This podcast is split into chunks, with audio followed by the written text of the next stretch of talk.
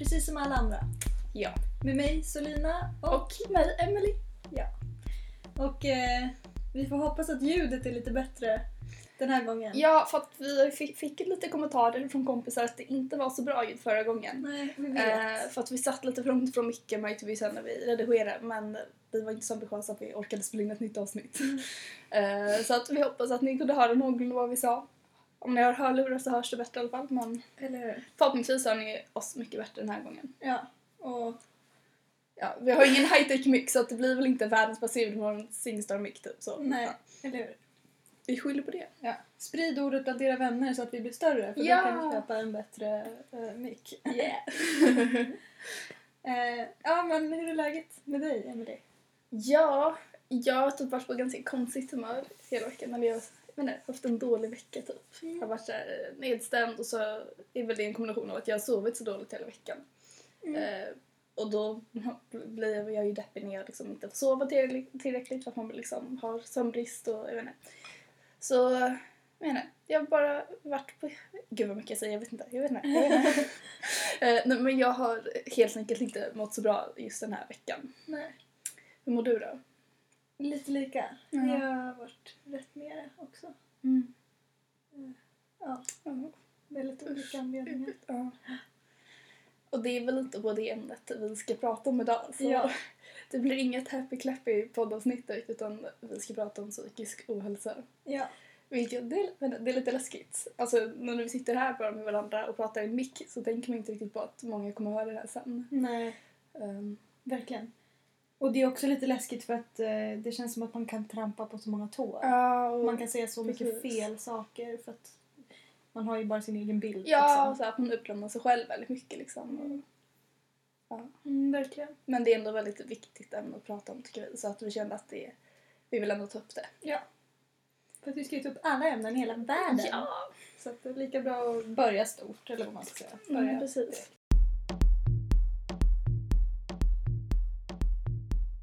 Vad har du för uppfattning om psykisk ohälsa? Vad är psykisk ohälsa för dig? Emily?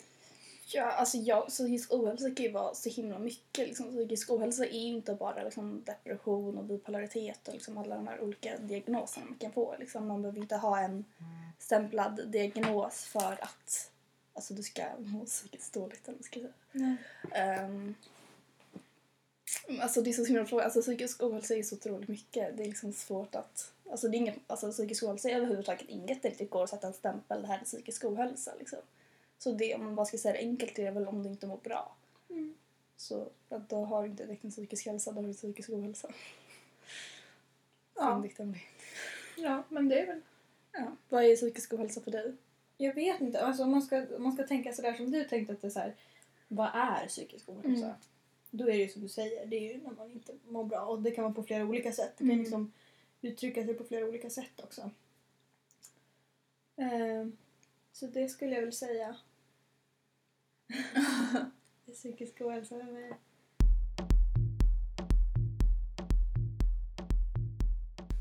Alla, det är väldigt många som har fasader. Så även vi. precis. Det är ju så jobbigt när man är nere i så här, känner sig deppig. Och Ja, så ser man alla andra som ser så glada ut. mm, precis. Då är det ju skönt att kanske försöka... Ja, för det är inte alltid det lättaste att prata om för just alltså, alltså psykisk ohälsa är ett, ett extremt liksom, stigmatiserat ämne som inte alltid heller tas på så stort allvar liksom, om man är psykiskt sjuk. Och du hade ju en incident nyligen som, var, som hade lite med det att också. Ja, precis. Eh, Jag var med några familjevänner, eller barndomskompisar igår och så drog, eller vi hade varit på middag då med våra mammor och så sen drog vi andra kids iväg. Kidsen. kidsen.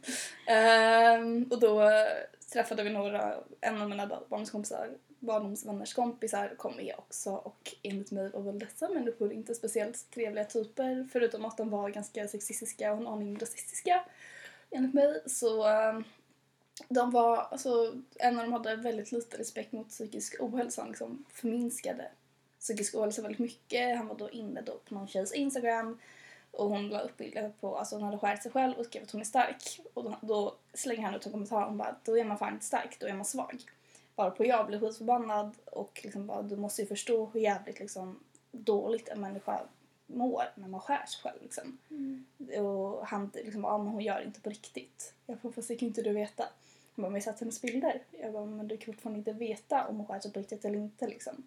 Det har ju inte med det att göra egentligen. Nej, det är inte med det att göra heller. Liksom att, liksom att han anser då att en person är svag för att man skär sig. Jag menar, man är väl svag på ett sätt om du liksom, är psykiskt sjuk men det är så här, alltså, att lägga ut en sån bild är ju otroligt starkt. Att våga liksom, visa för andra att man faktiskt inte mår bra. I vilket fall så är det liksom, varför ska han ens kommentera det? Ja, alltså han har ingen rättighet att kommentera det. Sen liksom. vet vi inte vad hans Nej, levnadsvillkor är och Nej. man ska inte vara elak mot människor men, men men ja. det är synd att det, att det är... ja För att det är rätt många som tycker så. Mm. Folk har liksom inte så mycket typ respekt mot psykisk ohälsa.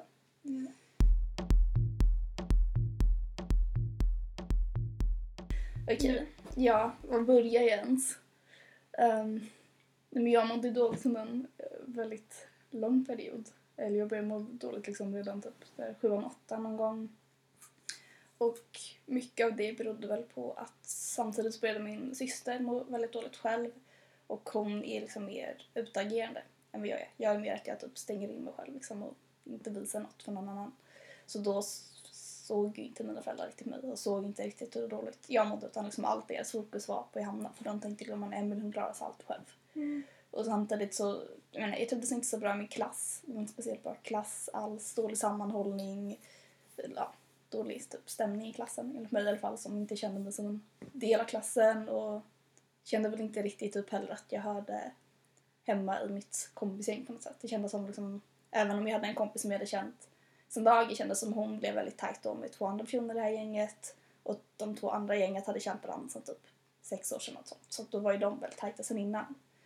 Så jag kände mig väldigt, upp, väldigt ensam och kände väl typ att jag inte riktigt hade någon utanför skolan heller för att många av mina kompisar utanför skolan hade man hade jag typ glidit isär lite från eller att man bara hade någon svacka i vänskapen just då.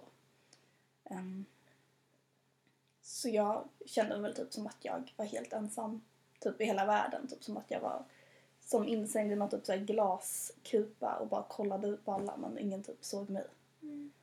Ehm, och så, men, så fortsatte det väl så. Jag nådde väl inte så mycket att berätta om allt mer på högstadiet. Jag mådde bara helt pissigt och eh, hade, gud, det här är, det här är jobbigare än jag trodde. Ja.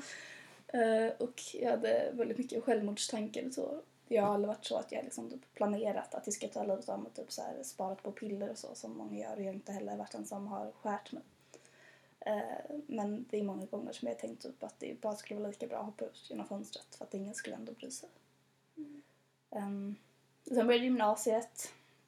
Trodde att allt skulle bli mycket bättre för att jag skulle få en liksom, ny start och ja.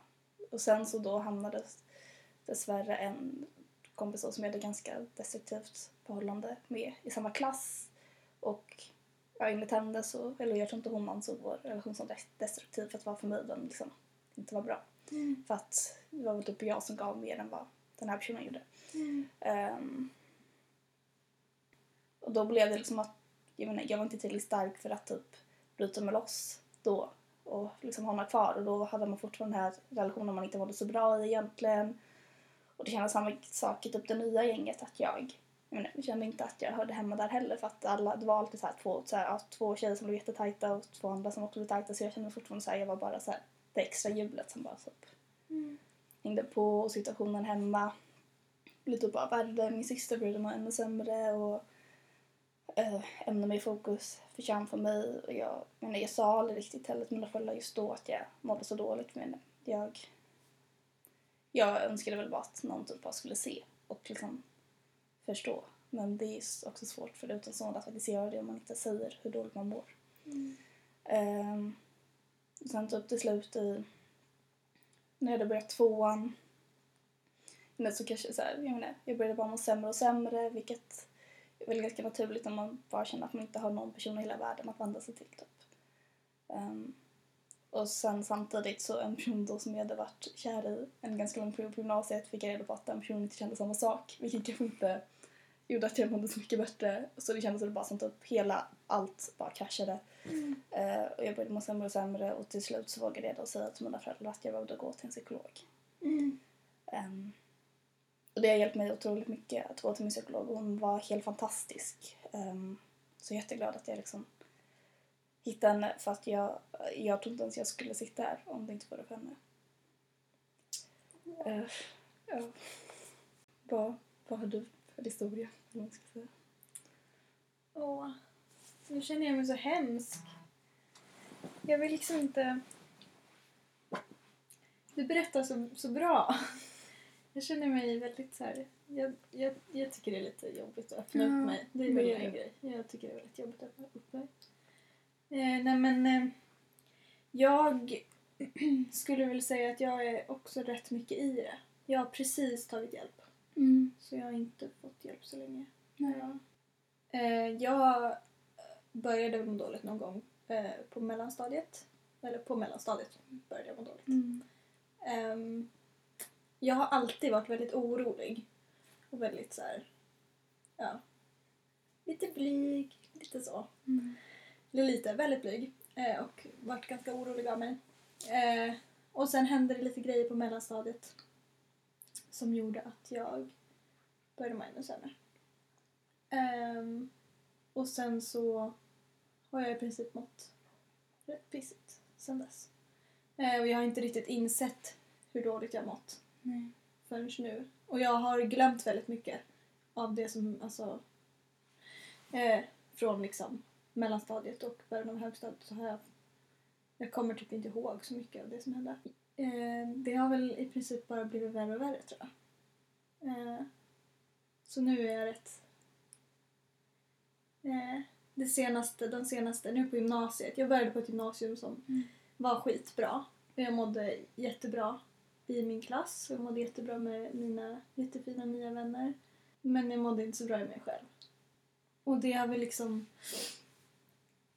ja, men i princip bara blivit värre och värre. I ettan på gymnasiet så blev jag även på våren, eller på vintern, liksom på vårterminen i gymnasiet i ettan, så eh, började jag må jätteilla en dag.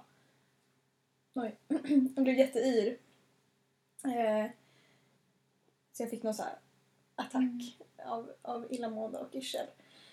Och sen dess har jag mått illa och varit yr varenda dag.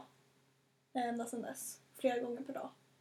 Så att... eh, Och eh, jag har varit till läkare med det här och vi vet inte riktigt vad det är. Men, men den grejen har väl gjort att det har blivit ännu värre också. Mm. Vi tror att, den, att det är ångest, någon slags konstant ångest liksom. Men eh, vi vet inte. Mm. Eh, men att när det hände så blev det väl ännu värre. Eh, eh, ja, och sen så har det gått neråt nu då. Eh, men nu har jag fått tag på så att jag har börjat på Unga Vuxna här i Stockholm. Som är jättefint. Mm. Eller tror jag. Jag har bara varit där någon gång. eh, men jag har liksom, jag vet inte hur jag ska gå in på, men jag har lite olika grejer som jag tampas med. Liksom. Jag har väldigt mycket hypokondri. Eh, det är faktiskt senaste veckan har jag varit väldigt rädd över att jag ska få en hjärtattack. Gud. Alltså, och då är det inte bara att jag går och är lite rädd, jag är på riktigt väldigt rädd över det. Och så går jag runt och bara ah, men då går ju vinterkräksjukan. Ja, det är jag också väldigt rädd för. Mm. Ja, men jag har väldigt mycket rädslor. Jag är hypokondrisk och jag har väldigt, väldigt mycket rädslor. Jag är såklart väldigt rädd för döden. Jag har lite dödsångest. Eh. Och sen är det ju det där att man är lite nedstämd. Men jag har jättesvårt för att så här, För jag, samtidigt så har jag precis som du, jag har inte riktigt haft eh, ett skadebeteende på så sätt att jag liksom har skurit mig själv Mm. eller att jag så här, har verkligen så här, eh, verkligen försökt ta självmord. Så att jag em, förminskar mig själv också väldigt mycket. Mm. det där var mina fingrar. Det är väl så lätt att jämföra sig med andra liksom, för det är som att många har en bild av att alla som är liksom, psykiskt sjuka typ skär sig själva eller så här, sparar på piller så att de kan typ ta livet av sig. Mm. Vilket, då blir det också en ond cirkel att man hatar på sig själv ännu mer och så blir man ännu så. Eh, jag är rätt bra på att hata på mig själv också, skulle Mm. jag säga. Eh, nej men jag har lite olika grejer helt enkelt som jag jobbar med Mm. just nu och det är väl min bild av psykisk ohälsa. Men att, jo men som du, men som du säger att man så här förminskar sig själv lite. Mm, Så man jämför sig och tänker att men, men jag är ju inte egentligen deprimerad för jag har ju inte försökt ta självmord. Ja, för jag har väl haft väldigt lätt att typ jämföra mig med min syster. Nu ska inte jag hänga ut henne allt för mycket här i podden så jag behöver inte gå in på hennes psykiska ohälsa. Men har varit mer utagerande om man säger så. Eh, och därför tror jag också att det jag har varit mer osynlig för mamma och pappa. Att de kanske inte riktigt har tagit min psykiska ohälsa på samma allvar som hennes. Och det är väl kanske därför också jag fortfarande kan ha väldigt mycket ilska mot min syster. För att hon, jag menar, jag har väl känt att hon bara typ tagit all uppmärksamhet från våra föräldrar till henne och bort från mig typ. Och, nej, men typ att hon, men det, och det handlar väl också om att hon har varit så dåligt att hon inte har orkat med att det är så här, jag, även fast jag har varit så dåligt som jag gjort så har mamma och pappa bara lastat ansvar efter ansvar på mig men liksom, de vågar knappt liksom säga åt henne om hon har gjort något fel. För att de är rädda att hon ska typ få ett utbrott. Um, Nu mår ju hon bättre själv så det är bra men men därför är jag väl fortfarande lätt att bli lätt irriterad på henne nu även om vår relation är bättre nu för att den var ju helt typ trasig fram till så, bara för några månader sedan. Det kan jag förstå. Det är så svårt att vara den stora. Alltså, man är verkligen så sjukt inne i sig själv. Mm. Och även om man innerst inne kanske många gånger vet typ det där. Att du, du vet ju att hon mår sämre än dig. Mm. Eller nu menar jag inte så. Nej, men, eh, hon, hon har ju fått det liksom en spe, samma specifik diagnos. Mm. Jag, alltså, jag fick knappt någon utredning även om vi gick hos en psykolog som var jättebra och hon typ sa att det jag beskrev är ju verkligen tecken på alltså, någon form av depression. Så var det aldrig att det blev utrett och då kanske man kan anta att min syster har mått mycket sämre eftersom att hon faktiskt det har gått så långt att de har utrett henne att hon har liksom, har fått hjälpmedel för det. Liksom. Mm. Nu, nu kändes det som att vi pratade väldigt tyst. Jag hoppas att det hörs vad jag säger ändå. Men sen finns det ju typ, alltså det finns många former av terapi och psykologmottagningar. Jag gick ju i KBT-terapi, alltså kognitiv beteendeterapi. Och då jobbar man inte så mycket med, eller så här, man tar ju reda på, försöker ju komma fram till lite varför men man går inte så mycket bakåt i tiden och tänker vad som kan ha orsakat det utan det är mer att man arbetar aktivt och typ försöker motarbeta det negativa. Mm.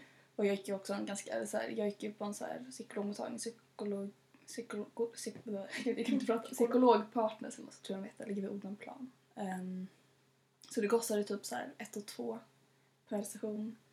Och man, det var 45 minuter per gång typ. Och så här. Jäklar. Alltså, då går jag alltså, en gång i veckan. Det blir ganska mycket pengar. Mm. Så jag är, och det är också så här, vi tänker så här när man går hos läkaren då kommer man ju nå något form av maxbelopp.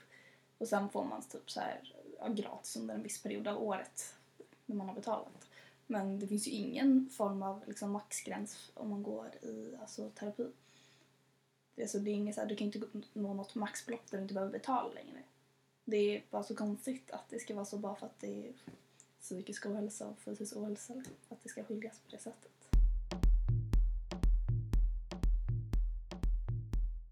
Syster har gått oss upp och hon, hon har haft tur och haft en ganska bra psykolog där. Ehm, um, sen har jag haft kompisar som har gått på BUP och som har haft liksom, alltså, förskräckliga, typ, alltså helt värdelösa psykologer typ, som försöker skriva ut antidepressiva efter typ, så här, en eller två möten eller som man har haft kompisar som har haft typ, självskadebeteenden och så har de bara frågat ah, men har du skärt sig själv sist? Och de bara nej. Och så kontrollerar de inte ens om det stämmer. Och så har de kanske skadat sig själva då sen de såg sist. Och det väl bara så här, nu menar jag inte att BUP är dåligt, det är jättebra att det finns psykologer och det finns jättemånga på BUP som är bra men det känns, alltså det finns många som inte är så bra också om man Mm. säger så. Mm. Jag har ju ganska liten erfarenhet av det tyvärr. Jag vet inte, för jag, jag går ju, eller jag går ju inte för att jag har varit där en gång. Mm. Eh, till Unga Vuxna som är fortsättningen på BUP. Ja. Det är liksom BUPs, tror jag. Det är under, nu ska jag komma ihåg, Norra Stockholms psykiatri tror jag. Okej. Så det, jag tror det, det måste ju vara statligt där. Ja. Typ. Det borde det Och då första gången jag gick dit kostade det 100 spänn. Det är lite skillnad i alla fall på Ja, då vad det kostar för mig. verkligen. Dock, jag har ju inte någon psykolog än. Jag är ju bara så här, de håller ju på och typ, inte utreder, men de Mm. håller på och så här, vad är det du behöver? Typ. Det Vi är får hoppas att de är bättre där, ja, helt enkelt. men alltså det finns jättemånga bra på BUP. Det är väl bara att så här, jag har haft, så här, det kan vara långa väntetider vet jag också på att faktiskt få en psykolog där. Och så, min syster har haft bra erfarenheter till mesta del och så, har jag, så blev det bara för att jag haft kompisar har så dåliga erfarenheter som att jag inte tycker verkar vara superbra men det, alltså, det kan absolut vara jättebra så att jag menar inte att ni liksom ska välja bort på något sätt men ja. Jo, men det har jag ändå tänkt på. hur... Och det här är liksom inte, det är inte så att det är så endast för psykisk ohälsa för det är ju så hos läkare också. Men det är så himla synd för att som du säger, väntetider är oftast väldigt långa Mm. och det är oftast väldigt svårt att hitta rätt. För alltså grejen är att eh, om, man har, oj, eh, om man har en psykolog så krävs det så himla mycket perso- personkemi. Mm. Definitivt. Man kan ju liksom inte bara vara med någon som... Det kan ju vara någon som är en jättebra person och som kanske har jättebra betyg och så men, Mm. men det, är så här, det finns ingen personkemi så att jag kan inte känna för att, att man... ja, Man kan liksom inte lämna ut sig själv till den Mm, personen. det är ju... Så det är väldigt tråkigt att det är så. Speciellt det här med lång väntetid. Och speciellt... Jag har lite... Jag har tänkt att jag ska ringa unga vuxna ett tag. Eh, sen jag flyttade hit ungefär. För att jag kände att nu med flytten så måste jag ta tag i det här för jag har liksom Mm. gått och typ väntat på det. Eh, jag kände att nu när jag flyttar när jag är ensam så måste jag verkligen liksom. Ehm, och då hittade jag en, en unga vuxna som jag trodde var, men det här är ju unga vuxna. För jag hade hört om det, en kompis som också hade ett problem har tipsat mig om det. Ehm, och sen, men jag, jag hittade fel, troligtvis. För jag ringde det här numret och så sa de så här, ah, vi ringer upp dig, lämna så här, vad, vad du vill, typ. Enkel svenska. Eh, och eh, så ringer vi upp dig. Och det gjorde jag och det, alltså, när man, när jag, ja, man kanske ska säga så istället för att säga man eller en eller eh, så säger jag när jag mår dåligt och det kanske folk kan känna igen sig i. Eh, så ett, jag känner mig inte värd någonting. Det känns, jag känner inte att jag är värd att gå och prata med någon. För att, ja, såklart. eh, två, jag... Eh, det krävs väldigt mycket energi för Mm. att ta kontakt. Precis som du säger, det, alltså, ofta så går man ju, man, man säger inte till någon. Nej. För att det är enklare så. Och när man väl har sagt det så har det ju krävts väldigt, väldigt mycket. Och så var det lite nu också. Det krävdes ju jättemycket. Mm. Alltså det tog typ ja, men, två månader Ja. innan jag klarade av att ringa det där samtalet. Även fast jag, hade, även fast jag kanske gått och tänkt på det typ ett och ett halvt år. Mm.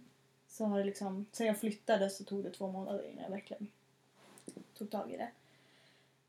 Eh, och, och sen ringer de inte upp. Va? Och Gud, då, och då blir det ju verkligen så här. Jaha, nej men nej just det, men jag var ju inte värd där. Det, så var det ju. Mm. Eh, och det är det jag tänker att om det, om, om det är så lång väntetid, om man inte klickar direkt, så tror jag att de allra flesta, nej men jag ska inte säga de allra flesta för att man ska inte generalisera, men, men jag och kanske många andra kan känna igen sig i det här, då känner man liksom, då är det ingen idé. Och så mår man ännu sämre. Och det är så... Jag, vet, jag har ingen bra lösning på hur man skulle lösa det här men det är så synd att, att systemet ser ut så för Mm. att det blir så mycket krångligare. Och det blir så mycket tuffare att ta hjälp liksom. För att det krävs så mycket. Ja men alltså liksom, man måste börja prioritera liksom, den psykiska vården mycket mer än vad man gör. För att den, alltså, den är inte speciellt prioriterad. Alltså inte i Sverige alltså ännu mindre i många andra delar av världen. Liksom. Och det är helt Mm. sjukt att det ska vara så underprioriterat. För det är så otroligt viktigt att folk inte ska liksom, gå runt och må psykiskt dåligt hela tiden. På ett sätt kan jag förstå vissa människor som ser ner på psykisk ohälsa. För att har man aldrig känt det själv Mm. så är det rätt svårt att liksom riktigt ta in det. Tyvärr. Så kan jag förstå det här att, att, att vissa kanske tycker att, att psykiska problem är liksom eh, att, att det är ett ilandsproblem och det är egentligen inte ett riktigt problem för det finns folk som har det så himla mycket värre. För att jag kan ju på ett sätt hålla med att ja, det finns människor som svälter, alltså det finns krig, alltså det finns så sjukt mycket hemskt här i världen och, och då kan jag förstå varför vissa tycker att, att, att man själv mår lite dåligt inte är en så stor grej. Mm. Eh, men det är en stor grej. Mm. Det är lätt att förminska sin egen och andras psykiska ohälsa för att man hela tiden ska hålla på och jämföra sig med att så det finns andra som har det mycket värre, det finns väl, det finns krig. Men alltså, man kan ju inte hela tiden heller hålla på och jämföra sig. Ja, så det går alltså så. det är inte hållbart att hålla på och jämföra sig med folk. Det finns folk som är mycket sämre. Ja. Och sen också det här att, att, att det liksom... Det är ju faktiskt ett problem i dagens samhälle. I varje fall i det samhället vi lever i. Här i Sverige. Så är det... Det har ju ökat. Ja, det Psykisk ohälsa ja, har ju ökat. Och det kanske har att göra med just det att, att det är så mycket från världen utifrån. mm. Jag tror också det kan bero mycket på så här. Det har absolut ökat men tror också det beror på att nu är det fler som faktiskt vågar typ berätta att de mår dåligt. För att så här, även om det fortfarande är väldigt stigmatiserat med psykisk ohälsa så är det ju betydligt mindre stigma runt det än vad det har varit tidigare. Ja.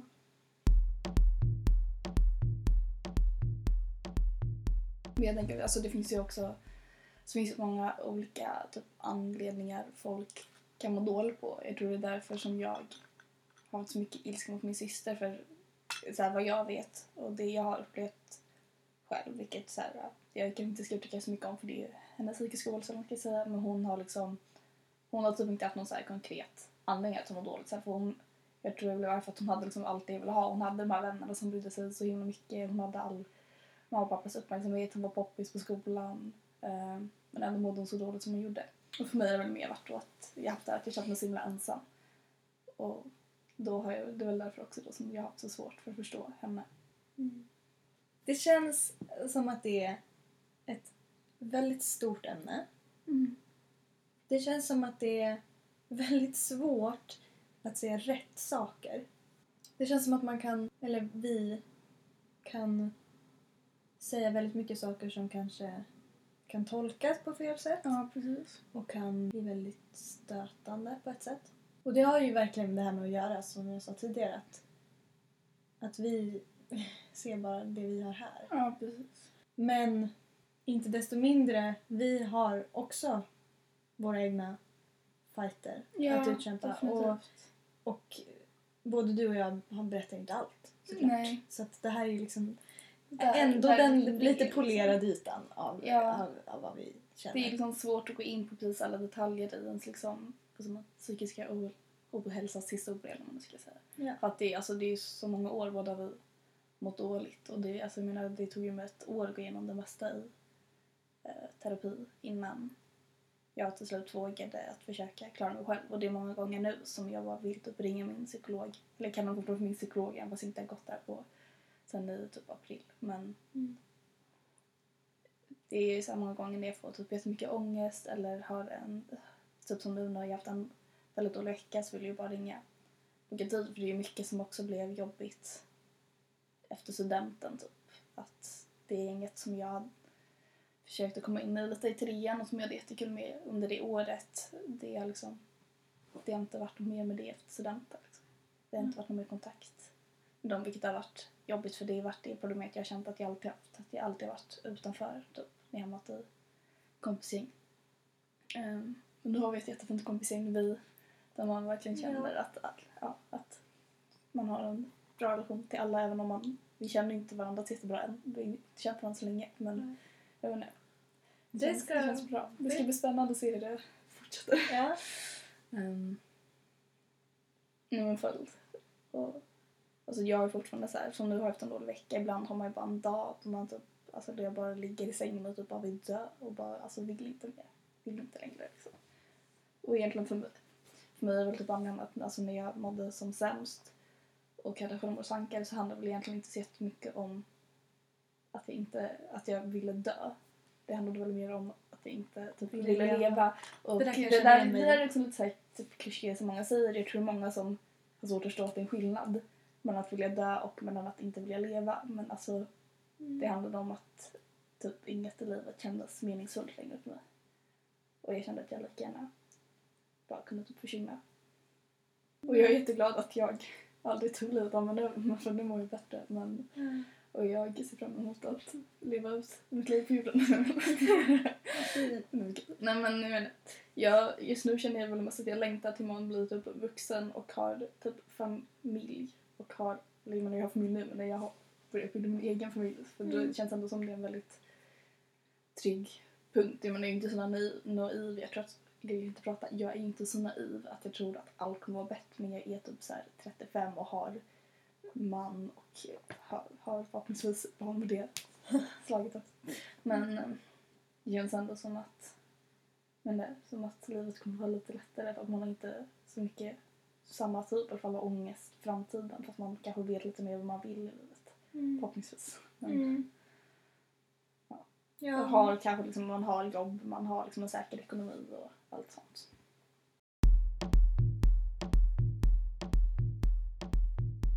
Har du några knep? Jag tänkte det här med meditation. Min mamma är ju så på mig. Hon bara, men du borde meditera. Ja, min mamma också. För hon älskar att meditera. Men alltså, jag gillar inte att meditera. Jag, kan, alltså, jag, men jag har väldigt svårt att bara typ skärma av allt. Om jag skulle ligga mig och försöka meditera så skulle det vara... Jag menar, det känns som det blir väldigt lätt att bara fastna i alla ångesttankar snarare. Men jag vet, alltså... Alla, alltså, jag tänker så här, jag tycker det är viktigt att alltså, typ, jag menar, träffa en kompis som alltså, du känner att du bara får massa energi från någon som peppar dig. Och jag menar, ibland kan man kanske bara känna att man bara vill typ stanna hemma och ligga i sängen. Och, men jag tror inte att alltså, så här, det är inte så bra egentligen att göra det för då ligger man bara där och tänker på mycket ångest man har. Jag tror det är viktigt att i sådana fall bjuda över en kompis. Och, så att man kan få lite kramar och pepp eller att bara ta en promenad, komma ut och få lite luft. Um, jag, vet, alltså jag har inga bra tips verkligen för att jag, menar, jag har väl aldrig tagit till mig riktigt tips själv när jag har mått som sämst. Um, Men det är ju det sugaste av allt. mm, Man vet innerst inne att men det här borde jag göra. Men när man ligger där och man bara fuck this, ingenting kommer hjälpa och jag Mm, suger precis. så jag är inte värd någonting. Alltså något som jag tycker är bra i alla fall, alltså typ att skriva dagbok, att så här, bara få ner lite jobbiga tankar för det, det är så här, klart att inte, alltså att det är så här, man skriver ner det då på måste bara oj, de är bra, men det är ändå så här, jag tycker att det dämpar ångesten lite att få ner det på liksom, papper. Mm. Så det är väl ett litet tips. Mm. Man behöver inte ha en fysisk dagbok. Jag, alltså jag har en fysisk dagbok men jag har ju börjat skriva typ mobilanteckningar istället. För att det känns mer, det är liksom mer till hands. Det är inte som att man kan få ångest lite när som helst. Det är liksom inte bara så att man får typ ångest när man sitter hemma på kvällen i sängen och har dagboken natt, vid nattduksbordet. Mm. Man kan ju få ångest om man sitter på tunnelbanan på vägen från jobbet. Liksom. Mm. Så det tycker jag är bra att bara skriva av sig, skriva ner lite. Mm. Vad skulle du säga då? Jag har några tips. Ja. Jag vet faktiskt jag håller med om det här. Det är väldigt svårt för att när man, eller när jag ehm, är nere så jag har inte lust med någonting. Alltså det är verkligen svårt men Mm. det är därför jag känner också att det här kanske inte var riktigt för att jag känner att jag inte har så mycket positivt att komma med för att jag just nu är rätt nere i någon slags period där jag Mm. inte mår så bra. Och då blir det att även om jag typ nu så kanske det verkar och låter som att eh, det är bra. Så, så innerst inne så känner jag så här, "Ja, det finns ingenting som kan göra det bättre. Nej. Ehm, så då, då kan jag väl säga det här som, man, som, som jag inte lyssnar på själv. Men, men som jag borde lyssna på Mm. och jag försöker intala mig själv att jag ska lyssna på. Det är det här att se, se de små positiva grejerna som finns. Ehm, fast ja, ändå inte. För att när ser man de små positiva grejerna då är det så här, "Ah, men jag har det bra ändå. Så varför mår jag så här jävla dåligt? Det här var ju sämsta. Jag, jag ställde en fråga men jag inget svar. Men jag tänkte att... kanske det blir så här, tvärtom att man så här, känner att man till och med har svårt att hitta de där små sakerna så att man bara ökar på ångesten ännu mer. Ja, gud ja. Och också känt så att de här små sakerna, det är ändå de som bidrar till att man också mår dåligt. Så att det är här, Mm. "Ugh." Men alltså det är väldigt, det där kan säkert funka för många. Alltså, det är verkligen Mm. från person till person vad som funkar för en. Men så här, så här skulle jag säga. Och det här kanske inte funkar för alla, för att vissa är verkligen jätte, jätte ensamma. Men för de som kan så säger jag att ring den där personen. Mm. Eller gå till den där personen eller men kanske ringa i en klass eller smsa eller snapchatta eller Mm. I don't know och bara säg ja men nu mår jag piss. Hjälp. Mm. Eh, men tyvärr så kan, funkar ju inte det för alla för att alla Nej. har ju inte den det privilegiet att ha liksom Nej. människor som man ändå kan säga det till. För jag har det idag men jag har ju inte haft det liksom tidigare. Ja, det, till de som kan göra det. Även om det känns som att den här personen vill inte egentligen prata med mig så vill den oftast det. Mm. Jag lyssnar inte ofta på det här rådet själv. Men, Nej, men de gånger jag gör det så får man väldigt mycket ut av det. Precis. Faktiskt. Ja, vi ska avrunda det här lite grann. Mm. Ehm, Har du något litet fakta? men jag, har, jag, hade, jag skrev ner ett fakta till en tidigare, ett tidigare avsnitt Mm. som jag inte tog med. Och jag tänker att jag kan Ja. ta det för att det är lite Det intressant. bra. Jag tittade på Blackfish. Åh, den är så bra. Som, Jag har ja, sett den. Den är så otroligt viktig. den är väldigt bra. Så den, om ni vill titta på en bra film så kan ni titta på den. Och då sa de en grej som jag tyckte var lite kul. Mm. Och lite kul att lyfta. Och det är, sen vet inte jag hur, hur hög sanningsfaktor det är. Men det är ju en dokumentär Ja. Blackfish. Så att någon slags sanning borde väl finnas. Eh, Men det är att forskare har hittat att valar och delfiner Mm. har utvecklat en ny nervtråd i sin hjärna, alltså i sina hjärnor. Ja. Eh, som gör att de är mer utvecklade än oss människor Mm, det är på det känslomässiga planet. Så att de har starkare känslomässiga band. Alltså de, Mm. ja, på något sätt är de mer utvecklade än oss människor liksom. Ja, det sämst att folk då tänker att djur inte alls har samma känslor som vi Ja. människor har. För det är alltså, det är väldigt mycket hemska scener i Blackfish. Mm. Typ att de separerar alltså mor och dotter. Ja, och- gud jag grät. Ja, ja, fy. Men alltså, alltså verkligen skitbra dokumentär som folk borde se. Mm. Um, då ska vi ha mitt fakta. Jag hade också tänkt ta det i ett tidigare avsnitt. Du kommer alltid med så här viktiga, så kommer jag med mina onödiga Men det är kul! knäppa fakta. Det är bra. Eh, på ett sätt är det ju lite som Blackfish för att det är också ett havslevande stort djur. Okej. Jag hittade ett litet fakta om vi tänker, det här är bra för er hajrädda människor. Att fallande kokosnötter dödar fler människor varje år än vad hajar gör. Oj. Jag menar, det är inte så många människor som dör av hajattacker så att jag menar, det är ganska logiskt men jag hoppas jag har aldrig tänkt på kokosnötter Hur igen. många dör av kokosnötter vill jag veta då? Det vill jag också veta. Och hur dör de? Kommer det bara en fallande kokosnöt från himlen? Eller alltså från ett träd? Från himlen men Fy, vilken i huvudet. tråkig död. Man bara Ja. går där och bara så på sin fina Dödsannons. strand och bara... Emelies land dog av en fallande kokosnöt. Mm. Tänk att gå där på den fina stranden, fin solnedgång, så Ja. bara åh livet är så vackert. Så bara, det var tragiskt. Fast rätt härligt också där Ja. på det sättet kanske. Det är ju så töntigt. Jag går ju när jag, alltså nu i höstas när jag Mm. gick till jobbet varje dag. Det är ju massa ekar i parken här. Ja. Och så gick jag och det ramlade ju så ekollon. Och jag bara, nu kommer jag få det här i huvudet och så kommer jag dö. ja. Mina vanliga orolighets... Sånt kan jag med från på vinter typ så när det är så här istappar och så, och så här snö. Att det står så fallande istappar. Jag bara, då får jag en huvudet. Ja. Usch, tänk om man faktiskt skulle få det. Vi ska ge ett tips. Ja. Och sen ska vi spela en liten låt. Men jag tänkte att vi ska försöka så här, bara så här, wrap this... eh, wrap, Wrap this this up! Nej men liksom det här avsnittet. Om vi, har vi någon så här slutsats? Okej, nej men så här, alltså mår du dåligt, alltså sök hjälp. Försök inte att liksom, alltså ta det igenom dig själv. Att, alltså det kan ingen göra. Alltså om man mår så dåligt då behöver man, alltså, då behöver man hjälp. Och oavsett om det är professionell hjälp eller om du bara pratar med en vän. Absolut. Mår du dåligt, sök hjälp. För du är Mm. fucking värd det. Ja, definitivt. Mår du inte dåligt, Good for you. var där för den som mår dåligt. Ja. Finns där för den. Även om du kanske mår dåligt. Mm. kan man ju finnas. Men eh, om, man, om man känner att men just nu mår jag ganska bra och så kanske du vet någon som mår lite dåligt. Mm. Se inte ner på den personen. Mm. Så försök bara finnas där. Alltså, det, det är liksom bara att skicka ett litet sms eller meddelande om du frågar hur den mår kan liksom... Alltså, man vet ju inte hur mycket det kan betyda för den personen för att man vet, alltså, man vet ju aldrig om de, de kanske känner som jag känner att de har känt sig osedda. Mm. Och då kan ju ett sånt meddelande betyda jättemycket. Och mår du dåligt och har ingen att prata med, då kan du skicka ett meddelande till mig. Eller mig. Eller vår mail. För den har vi faktiskt glömt att säga. Ja! jag på nu. Vi har ju faktiskt skapat en mail till den här podcasten för att vi är så stora. Eller inte. Men vi tänkte att det, bara för att det är inte så- övrigt många som lyssnar så betyder inte det att ingen vill ställa en fråga. Så om någon har en fråga eller kommentar eller någon undring eller vad som helst så kan du mejla oss på precis som alla andra at gmail.com. Så mår du dåligt och vill ha någon att prata med så finns vi där Mm, på den mejlen. det gör vi.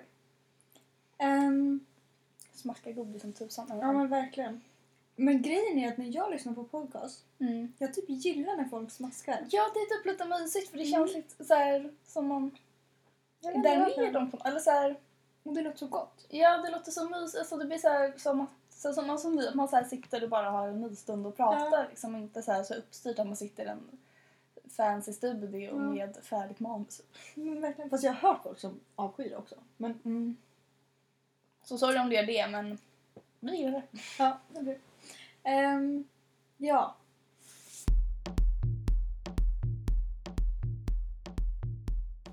Då ska vi väl köra veckans tips. Det är ju faktiskt en av min... En kompis till mig Precis. som har sagt det till mig. Ja, Jag vet inte, det kanske är någon mer som har hört det. Men... precis. Det här Så tipset. att, tack. Tack så mycket. Du vet vem det är. Ja. Puss puss. Puss, puss. så vi är jätteglada att vi fått det här tipset och vi hoppas att ni andra ska kunna ta mycket hjälp av det här. Och tipset är alltså om du som vi, eller som alla, som alla, Som alla andra. som, alla som, eh, så många andra har väldigt mycket ångest. Så att alltså, det är viktigt att man inte liksom ska ha, tänka att man måste göra allt på en gång. Utan typ dela upp det i små sessioner. Typ. Om, du, om det känns piss att ta sig till skolan, vilket jag själv vet att jag kan göra så här ta ett steg i taget. Typ bara, okej, men nu ska jag ta mig upp i sängen och gå på typ, toaletten. Nu ska jag typ, ta en snabbdusch. Nu ska jag sminka mig om jag gör det. Nu ska jag äta frukost. Stå på mig skorna.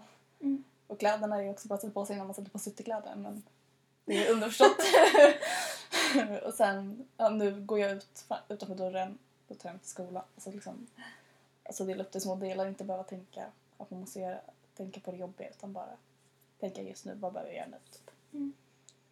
Det är väldigt bra. Mm. Jag tycker det funkar. Mm. mig. Jag tycker också det är väldigt bra tips. Jag tog lite del av det i morse för att jag var så upppeppad på att gå till jobbet. Så då var jag okej, jag ligger kvar och segar så går jag upp och äter frukost. Och så kollade jag på Friends för att det är enligt mig bästa serien när man är på dåligt humör. Ehm, och sen så, så här, jag bara okej, jag orkar inte så mycket så mycket idag så jag tog bara concealer, puder och mascara. Vilket, eller, eller förvisso är det vardagssminkning men jag är den som tycker det är kul så mycket mer oftast. Eh, och sen bara okej, nu går jag till tunnelbanan. Nu hoppar jag på tunnelbanan.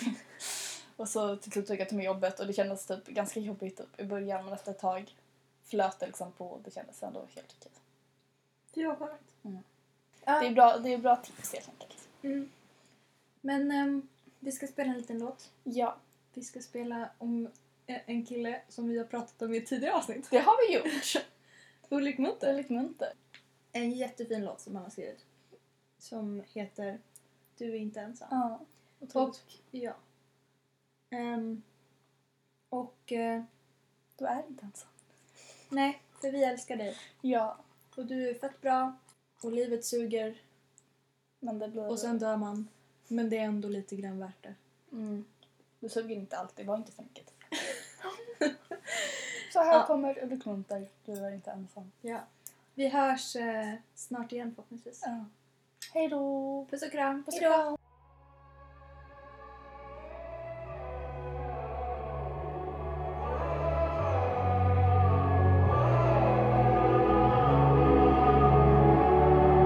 Det finns de som gjort dig illa. Det finns de som inget vet. Det finns de som gjort en grej av att skrika ut din hemlighet.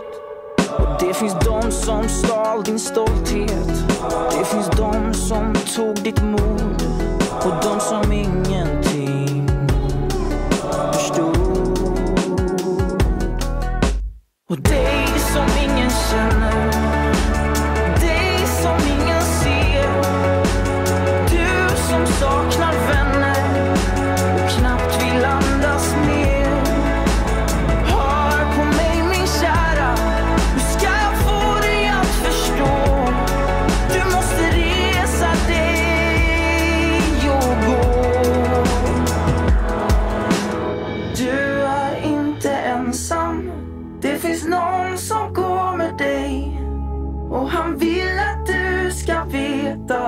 att han har det som du. Som du.